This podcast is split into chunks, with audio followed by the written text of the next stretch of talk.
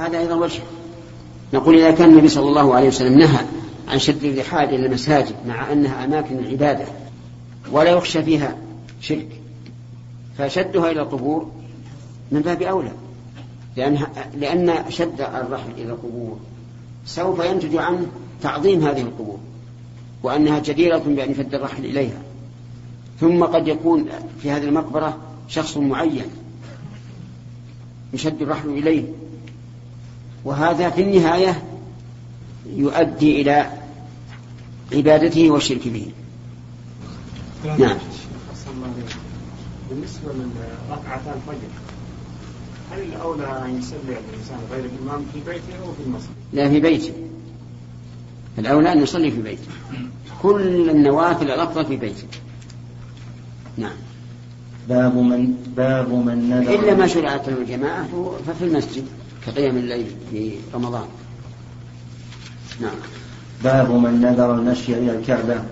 حدثنا ابن سلام قال أخبرنا الفزاري عن حميد الطويل قال حدثني ثابت عن أنس رضي الله عنه أن النبي صلى الله عليه وسلم رأى شيخا يهادى بين ابنيه قال ما بال هذا؟ قالوا نذر أن يمشي. قال إن الله عن تعذيب هذا نفسه لغني. وأمره أن يركب. نعم. آه، نذر المشي إلى إلى الكعبة. ليس من أمور الطاعة. أما نذر السفر إلى الكعبة فهو من الطاعة لأن الكعبة تشد الرحال اليها أما المشي فلا. ولهذا لما رأى النبي صلى الله عليه وسلم هذا الشيخ بين, بين ابنيه وسأل عنه قال إن الله تعالى غني عن تعذيب هذا نفسه. وصدق. فهل يمكن أن نقول إنها أن كلمة عن تعذيب هذا نفسه تدل على أنه لو كان الإنسان نشيطا قويا لا يتعذب يجب عليه أن يوفي بالنذر أو لا؟ الظاهر أنه لا فرق لأن هذا لا بد أن يتعذب لا بد أن يتعذب لا سيما مع طول المسافة. شوف الكلام عليه. ترجمة أولا قال الحافظ رحمه الله تعالى قوله باب من نذر المشي إلى الكعبة أي وغيرها من الأماكن المعظمة هل يجب عليه الوفاء بذلك أو لا؟ وإذا وجب فتركه قادرا أو عاجزا ماذا يلزمه؟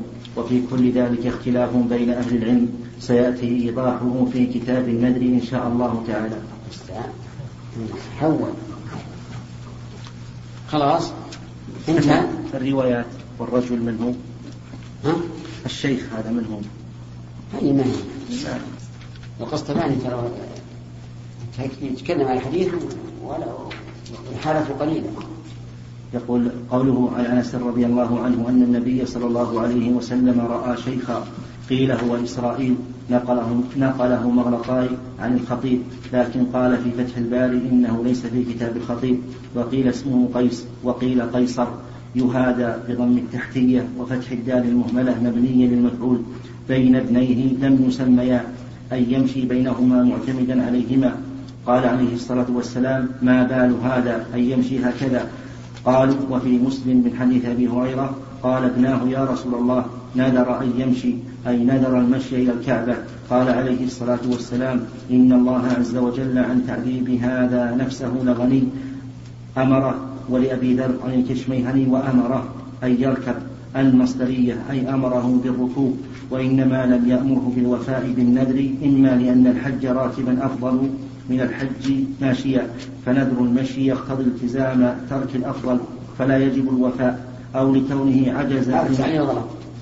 التعليل هذا غلط لأن النبي صلى الله عليه وعلى آله وسلم علل بأن ذلك تعذيب للنفس. نعم. أو لكونه عجز عن الوفاء بنذره وهذا هو الأظهر قاله في الفتح. نعم. انتهى الحديث. ها؟ انتهى الكلام على كل حال في مثل هذا إذا نذر الإنسان طاعة وجب عليه أن يوفي بها. لقول النبي صلى الله عليه وعلى آله وسلم من نذر أن يطيع الله فليطع لكن إذا عجز عن الوفاء سقط عنه الوجوب. لعموم قول الله تبارك وتعالى لا يكلف الله نفسا إلا وسعها. فإذا سقط الوجوب فهل يلزمه كفارة كفارة يمين أو لا؟ الصحيح أنه يلزمه كفارة يمين لأنه لم يوفي بالنذر.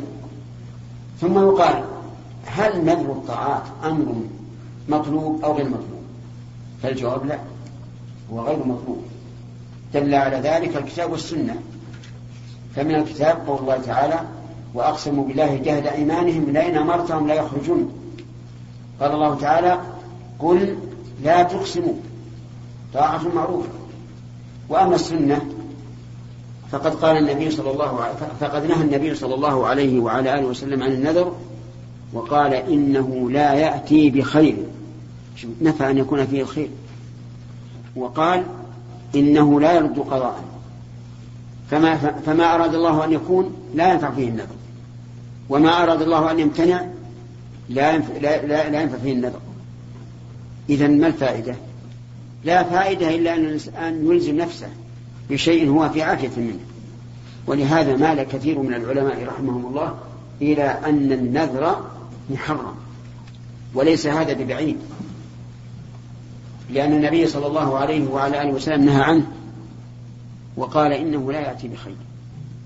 وانظر إلى أولئك القوم الذين ينذرون ثم إذا حصل ما نذروا عليه قاموا يترددون على العلماء. يريدون أن يفكوا أنفسهم من هذا النذر. أو قاموا به على وجه شاق يتكرهونه والمسألة خطيرة. قال الله تعالى ومنهم من عاهد الله لئن آتانا من فضله لنصدقن ولنكونن من الصالحين. فلما آتاهم من فضله بخلوا به وتولوا وهم معرضون فأعقبه نفاقا في قلوبهم إلى يوم يلقونه احذر النذر وحذر منه كما نهى عنه النبي صلى الله عليه وعلى آله وسلم. ثم إن النذر عند العلماء على أقسام وليس هذا موضع بسطها. لكن أهم شيء أن من نذر طاعة وجب عليه الوفاء ومن نذر معصية لم يجب عليه الوفاء. بل حرم عليه الوفاء. ومن نذر مباحا فهو يمين. إن شاء فعله وإن شاء تركه وكفر كفارة يمين.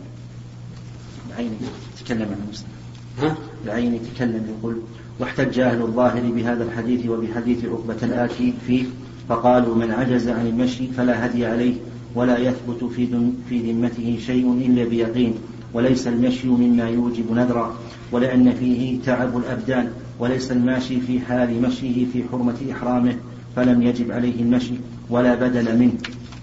وسائر الفقهاء لهم في هذه المسألة أقوال. القول الأول روي عن علي وابن عمر رضي الله عنهم من نذر من نذر المشي إلى بيت الله تعالى فعجز عنه أنه يمشي ما استطاع فإذا عجز ركب وأهدى شاء وهو قول عطاء والحسن وبه قال أبو حنيفة والشافعي. وقال أبو حنيفة وكذا إن ركب وهو غير عاجز ويكفر عن يمينه لحنثه حكاه الطحاوي. وقال الشافعي الهدي في هذه احتياط من قبل أنه من لم يطق شيئا سقط عنه. وحجتهم قوله فلتركب ولتهدي. والقول الثاني يعود ثم يحج مرة أخرى ثم يمشي ما ركب ولا هدي عليه. وهو قول ابن عمر ذكره مالك في الموطأ. وروي عن ابن عباس وابن زبير هذا عجيب يعني يحج مرة ثانية ويشوف المواضع التي كان ركب فيها في العام الماضي يمشي. سبحان الله. قول غريب. نعم. وروي عن ابن عباس وابن الزبير والنخعي وابن جبير والقول الثالث يعود فيمشي ما ركب وعليه الهدي وهو مروي عن ابن عباس أيضا وروي عن النخعي وابن المسيب وهو قول مالك جمع عليه الأمرين المشي والهدي احتياطا. أحسن. لا الصواب أنه إذا عجز سقط عنه الوجوب لكن يكفر كفارة يمين. أما سقوط الوجوب فلقوله تعالى لا يكلف الله نفسا لا وسعها. وأما كفارة اليمين فلأن النذر إذا لم يوفى به وتعذر الوفاء به شرعا أو حسا كفر كفارة يمين نعم. الهدي؟ مثل هدي المحصن يعني ما استيسر. نعم. حدثنا إبراهيم بن موسى قال أخبرنا هشام بن يوسف أن ابن جريج أخبرهم قال أخبرني سعيد بن أبي أيوب أن يزيد بن أبي حبيب أخبره أن أبا الخير حدثه عن عقبة بن عن عقبة بن ابن عامر رضي الله عنه قال نذرت أختي أن تمشي إلى بيت الله وأمرتني أن أستفتي لها النبي صلى الله عليه وسلم فاستفتيته. فقال صلى الله عليه وسلم لتمشي ولتركب. قال وكان أبو الخير لا يفارق عقبة. وحدثنا أبو عاصم عن ابن جريج عن يحيى بن أيوب عن يزيد عن أبي الخير عن عقبة فذكر الحديث. نعم معنى الحديث؟ تمشي وتركب. يعني تمشي حتى تتعب. ثم تركب. ولم يذكر عليها كفار. وهذا مطابق قاعدة العامة. اتقوا الله ما استطعتم.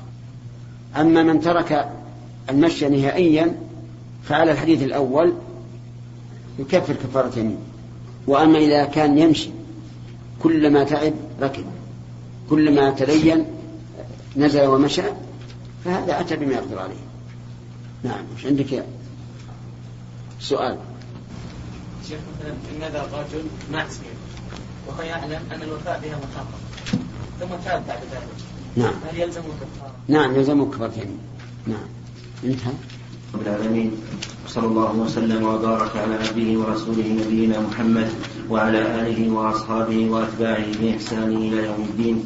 قال الإمام البخاري رحمه الله تعالى في صحيحه بسم الله الرحمن الرحيم. كتاب فضائل المدينة باب حرم المدينة. حدثنا أبو النعمان قال حدثنا ثابت بن يزيد قال حدثنا عاصم أبو عبد الرحمن الأحول عن أنس رضي الله عنه عن النبي صلى الله عليه وسلم قال المدينة حرم من كذا إلى كذا لا يقطع شجرها ولا يحدث فيها حدث. من أحدث حدثا فعليه لعنة الله والملائكة والناس أجمعين. المدينة هي مهاجر النبي صلى الله عليه وعلى آله وسلم. وهي أفضل البقاع بعد مكه وهي مثوى الرسول صلى الله عليه وعلى آله وسلم ومكة مولدة. فولد في مكة ودفن في المدينة ولها قضاء عظيمة سماها النبي صلى الله عليه وسلم طيبة وطابة. ولها أسماء. وتسمى المدينة النبوية.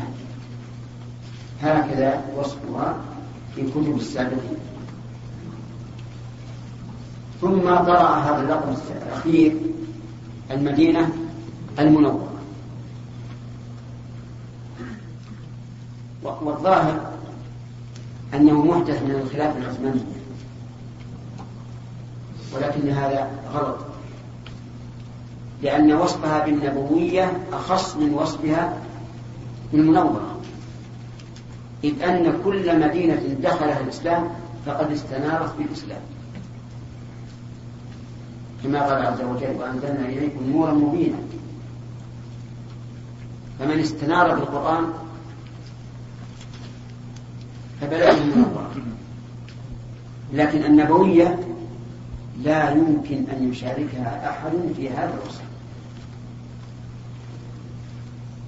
ولهذا بدأ والحمد لله كثير من الناس اليوم يقول المدينة النبوية وهذا هو الأفضل بلا شك. المدينة يقول في هذا الحديث حرم من كذا إلى كذا. لكن هذه الحرمة أقل بكثير من حرمة حرم حتى إن بعض العلماء قال ليس لها حرم. ولكن الصواب لها حرما ولكن حرمته أقل من حرم مكة. وقول من كذا إلى كذا هذا الإفهام من الراوي وإلا فالنبي صلى الله عليه وعلى آله وسلم لا بد أنه عين. لأن عليه صلى الله عليه وسلم ومنه صلى الله عليه وسلم البلاغ البلاغ المبين. ومن كذا إلى كذا ما في بيان. لكن كأن الراوي نسي وقال من كذا إلى كذا. ولا حرج على الإنسان إذا نسي أن يكني عما نسيه بكذا وكذا. ثم ذكر المحرمية فقال لا يوقع شجرة. لا يقطع الشجر لكنه يستثنى منه ما كان الناس محتاجين إليه للفلاحة كالذي يتعلق بالأعضاء الخشب وما, وما أشبه ذلك. فإنه جائز ثم هل هل في قطعه فدية؟ الجواب لا. ليس في قطعه فدية. بخلاف قطع الشجر في مكة فإن كثيرا من العلماء يقول إن فيه فدية ولكن السنة لم تأتي بهذا. لا في مكة ولا في المدينة. ولكن أيهما أعظم؟ قطع الشجر في مكة أو في المدينة؟ في مكة. نعم. ثم قال ولا يحدث بها حدث. المراد بالحدث هنا حدث الدين. لا يحدث فيها حدث. لأنها مقر النبوة. ومهاجر النبي صلى الله عليه وعلى آله وسلم. فكيف يحدث بها الحدث ولهذا كان إظهار البدع في المدينة أعظم أعظم من إظهاره في غيرها ولعل الحدث يشمل ما هو أشد مثل انتهاء وهو انتهاء بقتل رجالها أو نسائها أو ذرياتها. يعني يشمل هذا وهذا. يقول فعليه لعنة الله والملائكة والناس أجمعين. هذا خبر من النبي صلى الله عليه وسلم أن الله يلعن والملائكة والناس أجمعين. فكل من سمع بفعله سوف يلعن. نعم. حدثنا أبو معمر قال حدثنا عبد الوارث عن أبي التياح عن أنس رضي الله عنه قال قدم النبي صلى الله عليه وسلم المدينة فأمر ببناء المسجد فقال يا بني النجار ثامنوني. فقالوا لا نطلب ثمنه إلا إلى الله. فأمر بقبور المشركين فنبشت ثم بالخرب فسويت وبالنخل فقطع فصفوا فصفوا النخل قبلة المسجد. فتح الفاء صفوا صفوا ضم ما ما شكل يصفوا وضع صفوا هذا فيه أيضا من الفوائد أن النبي صلى الله عليه وسلم أول ما في بناء المسجد. فيؤخذ منه أنه يجب على الذين يخططون المساكن في بلاد الإسلام أن يضعوا مكانا للمسجد قبل كل شيء. وبهذا نعرف ضلال من يخططون المدن الإسلامية ثم تأتي الحي كاملا ليس فيه مسجد. لأن هذا خلاف هدي النبي صلى الله عليه وعلى آله وسلم ولأنه يؤدي إلى أن تضيع صلاة الجماعة. لأنه إذا كانت المساء إذا كان الحي خالي من المسجد فإن الناس لن يذهبوا إلى أحياء بعيدة ومنها عناية النبي صلى الله عليه وعلى آله وسلم بالمساجد ومنها جواز نبش قبور المشركين. ونقلها إلى مكان آخر. لأن النبي صلى الله عليه وعلى آله وسلم أمر بالقبور فنبشت ومنها أنه لا تجوز الصلاة في محل القبور. لماذا؟ قال بعض العلماء قولا عجيبا. قال لأنه يخشى أن يكون التراب قد اختلط بصديد الموتى.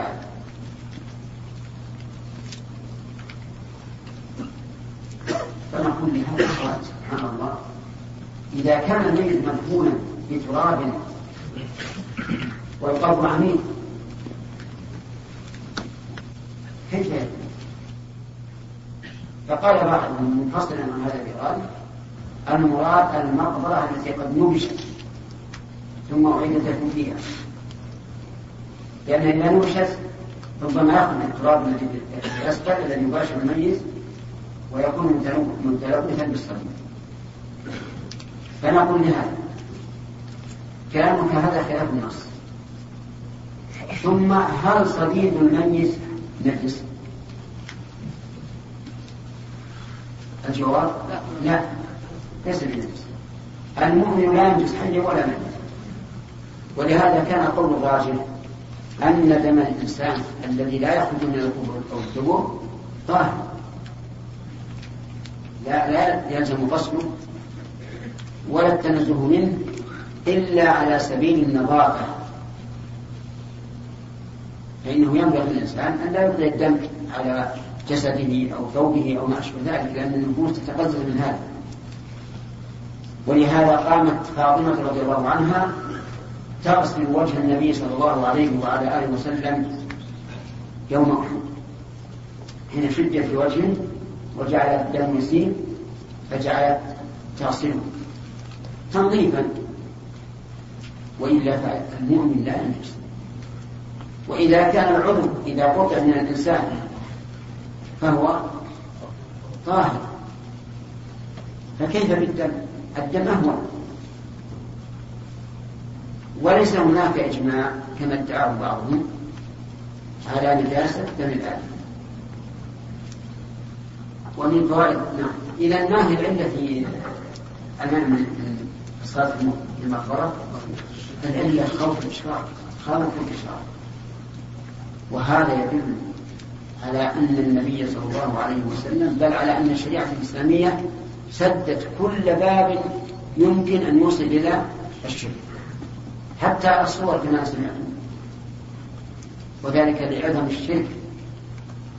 وكونه يجعل الإنسان معدوما في الواقع. فكل قريب ولو من بعد يؤدي إلى الشرك فإنه ممنوع شرعا وفيه أيضا أنه, أنه ينبغي أن تسوى أرض المسجد. حتى يمكن أن يستقر الناس على الأرض في السجود والجلوس. ومنها أيضا قطع النخل إذا كانت في المسجد. يعني مثلا لو أننا اشترينا أرضا فيها نخل لنجعلها مسجدا لا بد من قطع النخل. نعم. لا. الجنب ظاهر الرسول صلى الله عليه وسلم أمر يكشف قبور المشركين في أرض المسجد. نعم. هل هذا يدل هناك كانوا يشاركهم المسلمين قبور المشركين؟ إيش؟ هناك يوجد قبور مسلمين غير هؤلاء؟ ما ندري الله أعلم. لكن هي قبور المشركين. كان يوجد الأرض لا قبور المسلمين ما ما يمكن تنبش لأن الإنسان إذا دفن فقد ملك الأرض التي دفن فيها ولا يمكن يتعدى عليها أحد. ولي و... يلا عندنا جزاك الله خير شيخ. في البلاد عندنا الأموات عندهم إيجار الأرض. إيش؟ ما يملكون الأرض. طيب. الأموات. إلا بالأجرة. بالإجماع إلى متى؟ إلى متى؟ مثل مدة عشر سنوات أو ثلاث سنوات. الميت ما يبدأ بعشر سنوات. على كل حال الميت عندهم الأجرة. إذا إذا ما إذا ما يسدد بعد بعد عشر سنوات يطلعوه كانت البيوت الأحدث كيف ال- على كل حال إذا إذا أمكن إذا أمكن أن يجعل للمسلمين مقبرة خاصة. يدفن فيها الأموات ويبقون فيها إلى إلى البعث في في في المقبرة خاص بالمسلمين. إنما إنما القانون نفس الشيء ما يفرق- ما ما يفرقون بين الكفار والمسلمين. ما هي بالأرض مملوكة للمسلمين لا ها؟ لا دولة خاص بالبلدية ولا اللهم الكفر منه. ثلاثة نعم اثنين نعم بارك الله.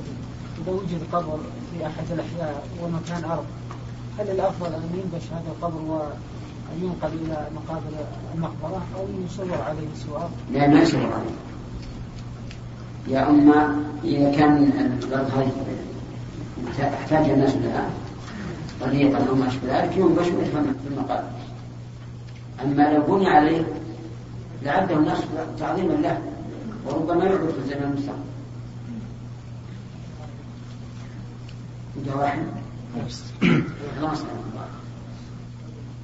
حدثنا إسماعيل بن عبد الله قال حدثني أخي عن سليمان عن عبيد الله عن سعيد المقبري عن أبي هريرة رضي الله عنه أن النبي صلى الله عليه وسلم قال حرم ما بين لابتي المدينة على لساني قال وأتى النبي صلى الله عليه وسلم بني حارثة فقال أراكم يا بني حارثة قد خرجتم من الحرم ثم التفت فقال بل أنتم فيه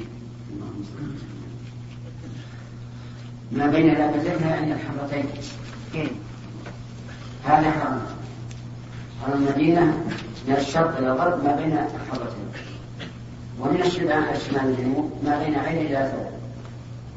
وهما معروفة قال العلماء هو المسافة بريد في بريد. يعني من الشرق إلى الغرب بريد ومن الشمال إلى الجنوب بريد. والبريد كم فرسخ؟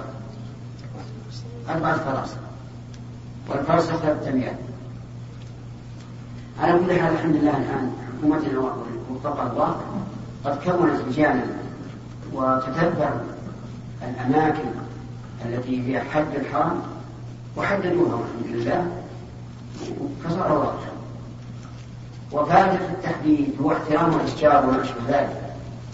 وإلا فإنه لا يحرم له المدينة. من أحرم عند دخولها فقد ابتدع ولا يحل له ذلك. نعم. في سؤال؟ ما في سؤال. يا حدثنا محمد بن بشار قال حدثنا عبد الرحمن قال حدثنا سفيان عن الأعمش عن إبراهيم التيمي عن أبيه عن علي رضي الله عنه قال ما عندنا شيء إلا كتاب الله وهذه الصحيفة وهذه الصحيفة عن النبي صلى الله عليه وسلم. المدينة حرم ما بين عائل إلى كذا من أحدث فيها حدثا أو آوى محدثا فعليه لعنة الله والملائكة والناس أجمعين. لا يقبل منه صرف ولا عدل. وقال ذمة المسلمين واحدة. فمن أخفر مسلما فعليه لعنة الله والملائكة والناس أجمعين. لا يقبل منه صرف ولا عدل ومن تولى قوما بغير إذن مواليه فعليه لعنة الله والملائكة والناس أجمعين. لا يقبل منه صرف ولا عدل. قال أبو عبد الله عدل فداء. هذا حديث عظيم. وذلك أنه شيع أن النبي صلى الله عليه وعلى آله وسلم عهد إلى علي بالخلافة وقال أنت خليفة. فكان الناس يسألون عن النبي طالب رضي الله عنه. ويقولون هل كتب إليكم النبي صلى الله عليه وسلم بشيء؟ هل خصكم بشيء؟ فيقول لا. وقد أقسم مرة فقال لا والذي فلق الحبة وضاع النصر ما خصنا بشيء إلا ما في هذه الصحيفة. وذكرها. وأما قول الرافضة إنه عهد إليه الخلافة وأن أبا بكر وعمر خان وغدر وغصب وظلم فقوله باطل ها هو. علي بن أبي طالب بايع أبا بايع عمر وبايع عثمان. قال الإمام أحمد من طعن في خلافة أحد من هؤلاء فهو أضل من حمار أهله. ولهذا أجمع المسلمون على أن خليفه بعد رسول الله صلى الله عليه وعلى آله وسلم أبو بكر ثم عمر ثم عثمان ثم علي. ذكر أحاديث الحديث. إلا كتاب إلا كتاب الله عز وجل القرآن. الذي أجمع المسلمون عليه صادرا عن كافر. قال العلماء ومن أنكر حرفا من القرآن مما اتفق عليه القراء فهو كافر. أما ما اختلف فيه القراء فإنه لا يكفر بإمكان التأويل. لأن في بعض الأحيان يكون فيه قراءة بالواو وقراءة بإسقاط الواو. مثل في البقرة قالوا اتخذ الله ولدا فيها قراءة وقالوا اتخذ الله ولدا. ولها نظر لكن ال- الذي أجمع عليه المسلمون إذا أنكر الإنسان حرفا واحدا. فكيف إذا أنكر كلمة؟ فكيف إذا أنكر سورة؟ فكيف إذا أنكر ثلث القرآن كما تقول الرافضة؟ يقول بعضهم إن ثلث القرآن مكتوم والعياذ بالله لكن هذا لا لا لا أظنه إجماع إجماع منه. الصحيفة يقول عن النبي صلى الله عليه وسلم المدينة حرم ما بين عائل إلى كذا عائل هو عين. وإلى كذا فسرت في أحاديث أخرى بأنها ثور والمسافة بينهما بين من أحدث فيها حدثا أو آوى محدثا فعليه لعنة الله والملائكة والناس أجمعين. أحدث بنفسه. آوى محدثا يعني تكتم عليه وتستر عليه. وإن كان هذا المحدث قد قدم من غير من غير المدينة فإذا استقبله وآواه وكتمه دخل في اللعنة والعياذ بالله. وهذه المسألة فرد من أفراد أن من أعان على شيء فله مثل ما من أعانه عليه أو عقوبته. فالذي يقل المحدث كان هو الذي أحدث لأنه أعانه على الإثم والعدوان فعلينا لا يقبل منه صرف ولا. أيها الإخوة لم يتم التعليق في هذا الشريط ويمكن إتمامه في الشريط الذي يليه.